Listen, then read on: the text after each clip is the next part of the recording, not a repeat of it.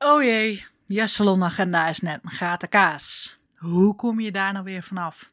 Het is begin van de week en je agenda staat best wel vol. Maar maandagochtend, halverwege de ochtend, komt er al een appje binnenzetten. Sabine, ik kan toch vanmiddag niet komen. Heb je misschien een mogelijkheid dat ik dinsdag kan komen? Joh, geen probleem, kan allemaal. Iemand die dinsdag moet komen, stuurt je ook nog een appje. Sabine, gaat me toch niet lukken dinsdag? Zou ik misschien donderdag kunnen komen? Hey, geen probleem, ik help je graag, ik heb wel plek, kan allemaal, no problemo. Er komt nog een appje binnenzetten op maandag voor iemand die heel graag woensdag had willen komen, maar ook niet kan komen. Dus die zegt: Kan je mij misschien vrijdag helpen? Geen probleem, Liesbeth kan allemaal. Ik help je. Wanneer zou je graag willen? Wil je vrijdag of wil je zaterdag? Nou, als ik dan mag kiezen, dan zou ik het allerliefste zaterdag komen om 10 uur. Um, nou, ik zal eventjes kijken of dat gaat lukken. Uh, ik moet eventjes wat heen en weer schuiven, maar ik denk dat het wel uh, gaat lukken. Dus, nou, je schuift eventjes een beetje wat heen en weer zaterdagochtend. En ja, Liesbeth, die past er ook tussen. Vervolgens krijg je op donderdag een appje.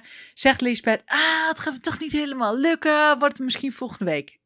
Jij denkt, nou, oké, dat kan. Weet je, dat moet, uh, ik wil haar toch graag behandelen. Ik heb het geld nodig. Dus ik laat haar maar komen. En op zaterdagochtend, die klant die jij hebt vervroeg, speciaal voor Lisbeth, die zegt: Jasmin, is me toch allemaal een beetje te vroeg. Ik kom liever volgende week, een keer op een avond. Kan dat? Ja, dat kan ook. Wat is nu het probleem met deze flexibiliteit? Het begint je sowieso te ergeren dat je al die appjes krijgt. Dus ik zou er niet zo 1, 2, 3 aan gaan beginnen. Want heel vaak word jij verplaatst omdat ze iets anders hebben. Dus jij bent niet zo heel erg belangrijk. Je zit eigenlijk op de tweede rang of op de derde rang. Nou, dat is geen fijne positie, want mensen gaan snel met jou spelen. Jij belandt in het spelletje dat je heel flexibel bent, heel gedienstig bent, wat ook heel begrijpelijk is, want je hebt het inkomen nodig en je hebt de klanten nodig. Maar voor je business is het namelijk niet slim. Het kan best zijn dat die klant van zaterdagochtend die je hebt vervroegd, die denkt ja ik heb geen zin om elke keer als speelbal gebruikt te worden. Ik ga liever naar een salon toe die mijn tijd wel daadwerkelijk serieus neemt. Nou, en die Lisbeth, die zegt dan vervolgens: Ja, nou ja, maar volgende week kan ik dan eigenlijk ook niet. Nou, dan doe ik het daarna. En dan is zo'n afspraak drie of vier keer verzet. In die tijd had jij dat je bezig bent met verzet, had je een klant kunnen doen. Of werken aan jouw zichtbaarheid of je had het werkelijk gewoon uh, omzet kunnen maken. En je had daar ook andere klanten op in kunnen plannen. Je kunt niet altijd last minute, kun jij zomaar weer gaten op gaan vullen. En tuurlijk zijn daar ook wel strategieën voor hoe je dat wel doet en hoe je die ook vult. Maar dat is iets wat ik je in een andere aflevering met alle liefde ga vertellen. Dit wat ik hier nou schets, is bij heel veel salons gebeurd dat. En is ook bij mij gebeurd dat ik heel gedienstig en heel flexibel was. Wat erin resulteerde dat ik wel werktijden had, maar dat ik mezelf er eigenlijk niet aan hield. Want dan zei ik bijvoorbeeld tegen een klant, dan werkte ik tot twee uur s middags. Nou ja, oké, kom dan toch maar om twee uur. Wat maakt het ook uit dat die klant komt? Maar jij gaat steeds meer over je grenzen heen. Je, je, je gaat een beetje naar dat grenzeloze gedrag. Plus, je leert ook je klanten hoe ze met jou om mogen gaan. En ik weet wel, heel vaak wordt gezegd: je moet je klanten opvoeden. En dat klinkt heel hard. Maar het begint eigenlijk al bij gewoon kaders leggen in je werktijden. Je daar ook zelf aan houden. En dan zul je zien dat jouw klanten ook gewoon sneller zeggen: Ja, ik kan niet naar de tandarts, want ik heb een afspraak bij een salon. Kijk, als je last hebt van natuurlijk een gat in je kies, tuurlijk, dan ga je heen. Maar zorg ervoor dat je niet zo snel een tweede of een derde keus wordt. Nou, ik heb het ook wel vaak meegemaakt dat mensen tegen me zeiden: Nou, Sabine, ik kan woensdagmiddag niet. Lukt me gewoon niet. En dacht ik, oh, nou is wel heel vervelend voor haar. Weet je, ik nam, deed de aanname, het zal wat te maken hebben met haar werk. Of uh, ja, weet ik veel wat. En dan zat ze woensdagavond bij mij en zegt ze: Oh, ik heb vanmiddag een leuke dag gehad, joh. Ik ben even heerlijk met mijn moeder wezen shoppen. Nou, dan dacht ik echt bij mezelf, maak het even zeg. En daar werd ik voor verschoven. Dus dit wil ik je gelijk al eventjes meegeven. Dat je wel wat strenger mag zijn op dat mensen hun afspraken nakomen. Dat je niet te flexibel bent. Ehm, en daar zou je ook nog wel weer wat tactieken op los kunnen laten. Hoe je dat zou kunnen buigen. Maar neem dat alvast mee. En ook als dat nu al gebeurt in je salon, wees even een stukje strenger. En zorg niet dat je een speelbal wordt. Als je een speelbal wordt, dan maak jij jezelf ook niet belangrijk. Maak je jezelf klein. Hou jezelf ook klein. En dat zal ook gaan resulteren in veel gaten in de agenda. En dat je ook gewoon een lager inkomen hebt dan de rest. En dat je ook geen hoge prijs kan vragen. Nou is hoge prijzen vragen niet altijd het eureka, het ultieme doel. Maar ik neem aan dat je natuurlijk met jouw salon en met je beautyondernemer bent begonnen omdat je er fatsoenlijk geld in wil verdienen. Stel je voor, jij werkt voor een baas. Van maandag tot en met zaterdag moet jij beschikbaar zijn. Hij zegt: Ik betaal jou 32 uur in de week. Ik denk niet dat je daarmee akkoord zal gaan, maar ga even mee in het voorbeeld. Ik wil dat je van maandag tot en met zaterdag beschikbaar bent. En je bent ook maandagavond, dinsdagavond, woensdagavond en donderdagavond ben je beschikbaar. Dus tel maar ongeveer eens even mee hoeveel uren jij beschikbaar moet zijn. En je start je dag om 8 uur of 9 uur ochtends. Met gewoon een normale lunchpauze en natuurlijk normaal avondeten. Dus twee keer een uurtje bijvoorbeeld. Ben je best veel uren beschikbaar. En je wordt maar voor 32 uur wat je betaalt. Als in die 32 uur hij tegen jou zegt: hey, lieve Monique, ik wil heel graag dat jij woensdag van 9 tot 9 beschikbaar bent. Dat je aanwezig bent hier op het bedrijf, in het pand. Wil je dat? Ja, ja, ja, ja. Ik ben er wel.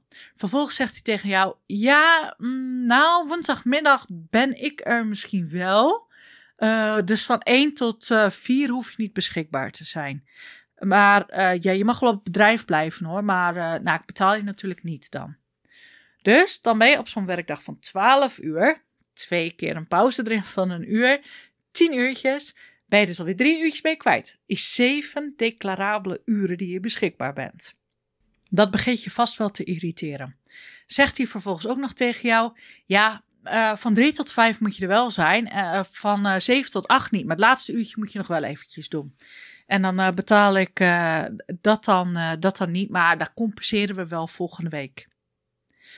Hoe groot acht jij de kans dat je daarmee akkoord gaat bij een baas? Hoe lang zal je er blijven werken? Hoe lang ben je happy? Hoe lang zal je het accepteren? En hoe lang gaat überhaupt je gezin zoiets accepteren? Ik wil zeggen noteren. Accepteren. Ik denk dat de kans heel klein is. Het is ook geen lang leven beschoren, die samenwerking. En je zult snel op zoek gaan naar iets anders. Dus waarom doe jij dat in je bedrijf dan wel? Omdat het dan ineens je eigen bedrijf is. Ik vind het heel erg belangrijk namelijk dat je een goede werk- en privébalans gaat houden. Dat daar een harmonie in zit. Dat jij ook grenzen gaat stellen, maar dat je er ook aan houdt. Eigenlijk moet je het zien als een voetbalwedstrijd. Als je in een voetbalwedstrijd, als je daarnaar kijkt, zit er een lijn omheen, zitten twee doelen, staan er aan en de spelregels zijn gewoon heel duidelijk. Kom je er buiten, sta je buitenspel. Dat is eigenlijk ook wat jij doet als jij dus zo flexibel bent uh, en zo gedienstig naar klanten. Dus zet jij jezelf al heel snel buitenspel. En dat is niet alleen op gebied van inkomen, maar ook op gebied van energie. Je passie zal gewoon uh, op een gegeven moment wat gaan verdwijnen. Want de beloning is er gewoon niet naar. De waardering is er niet. De loyaliteit gaat gewoon achteruit. Dus het heeft best wel een domino-effect op meerdere fronten. Dus hoe zorg je nu eigenlijk voor die balans? Je begint altijd met een planning als eerste. Wat heb ik te doen? Welke afspraken heb ik? Wanneer wil ik vakantie hebben? En wat blijft er dan nog over aan werkuren? En leer gewoon eens nee te zeggen. Hou je eens aan die kaders. Ga binnen die kaders werken. En zeg een keer nee. En weet je wat het gekke is? Als jij nee zegt tegen iemand, word je ineens heel aantrekkelijk. Nou, stel je voor, ik trek het weer eens even door naar het daten. Toen ik ging daten, um, als een kerel tegen mij had gezegd: Oh, Sabine, wil je met mij op date? Hartstikke leuk. Zeg jij maar wanneer? Ik heb alle dagen tijd. Dan denk ik een beetje van: Ik weet niet of ik met jou wil daten. Niet dat ik iets heb tegen werklozen, maar ik heb natuurlijk zelf ook een bepaalde standaard die ik zelf wil nastreven en wat ik fijn vind. Ik vind het niet fijn om de kar te trekken, dus ik zou het heel fijn vinden als ik een nieuwe partner zoek, dat hij ook gewoon werk en inkomen heeft. Super simpel. Maar dat is wel wat ik fijn zou vinden. Dus als hij zegt ik heb alle dagen tijd, dan denk ik al, mm, dat druist eigenlijk een beetje tegen mijn standaarden in. Een beetje tegen hoe ik het graag zou willen zien. Stel je voor dat hij tegen mij zegt: Sabine, ik zou heel graag met je willen daten. Ik heb de kinderen deze week. Dus ik, uh, en ze gaan uh, volgende week gaan ze naar mijn ex toe. Dus ik kan met jou vrijdagavond afspreken of zaterdag. Dan denk ik: Oh, tof, lekker. Denk maar eens bij jezelf naar wat jij aantrekkelijker zou vinden. Een kerel die altijd. Nou, sorry, ik zeg kerel. We leven geëmancipeerd, dus ik ben even aan het generaliseren. Komt omdat ik gewoon hetero ben uh, en niet biseksueel of iets, iets anders. Sorry. Ik wil niemand beledigen, maar ik weet even niet zo helemaal goed hoe, hoe dat hele kleurenpatroon en het uh, A tot en met Z verhaal, zeg maar, heet. Je merkt wel, wordt er een beetje ongemakkelijk van, want ik weet echt niet hoe. Maar goed, je zoekt dus een andere partner. Het is zeer aantrekkelijk als die partner vervolgens ook aangeeft: ik kan dan, dan of dan. Het is niet aantrekkelijk als ze zeggen: joh, zeg jij maar hoe hoog ik moet springen, hoe ver ik moet springen, hoe vaak ik voor je moet springen. Want je plaatst je daarmee gelijk al in de underdog-positie. De verkeerde positie. Nou, misschien heb je ooit wel eens een keer gehoord voor mensen die iets meer in de sales zitten, het is heel erg belangrijk dat je altijd leiding neemt in gesprekken. Waarom? Anders ga jij namelijk een werknemer-werkgeversrelatie creëren. Dan ben jij de werknemer als salon zijnde en de klant is de werkgever. En dat wil je niet. Je wil die posities omdraaien. Je hoeft niet dominant over een klant heen te staan, dat is het ook niet. Maar je mag wel leiding en verantwoordelijkheid gaan nemen over je business. Zeker als je ook even gaat kijken, goh, in het geval hè, van Lisbeth, die ik als voorbeeld al neem. Er waren drie plekken die verzet zijn en ze is uiteindelijk op de vierde terechtgekomen. Je had op die andere drie plekken, had jij klanten neer kunnen zetten. Of als zij hier gewoon gekomen was, had jij daar, daar of daar had je een klant neer kunnen zetten.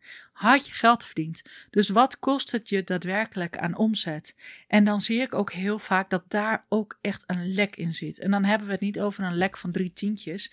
Dan hebben we het al heel snel over een lek wat je op jaarbasis echt wel een goede vakantie kost. Denk daar eens over na. En laat me weten wat je hieruit hebt kunnen halen, wat je gaat veranderen binnen je business. Dat zou ik echt super tof vinden, want dat is ook weer een mooi stukje feedback. Naar aanleiding natuurlijk van deze video slash gewone podcast. Leg er even aan of je hem natuurlijk luistert of dat je hem kijkt. Maar laat even weten wat je hieraan hebt gehad. Heb je inzichten eruit gehad dat je denkt, goh, heb ik me nog nooit gerealiseerd dat het daadwerkelijk geld kost? Of, oh, dit is dus wat ze ermee bedoelen. Laat het gewoon even weten. Ik ben ontzettend nieuwsgierig. En je mag me altijd even een DM sturen. Toedeloe!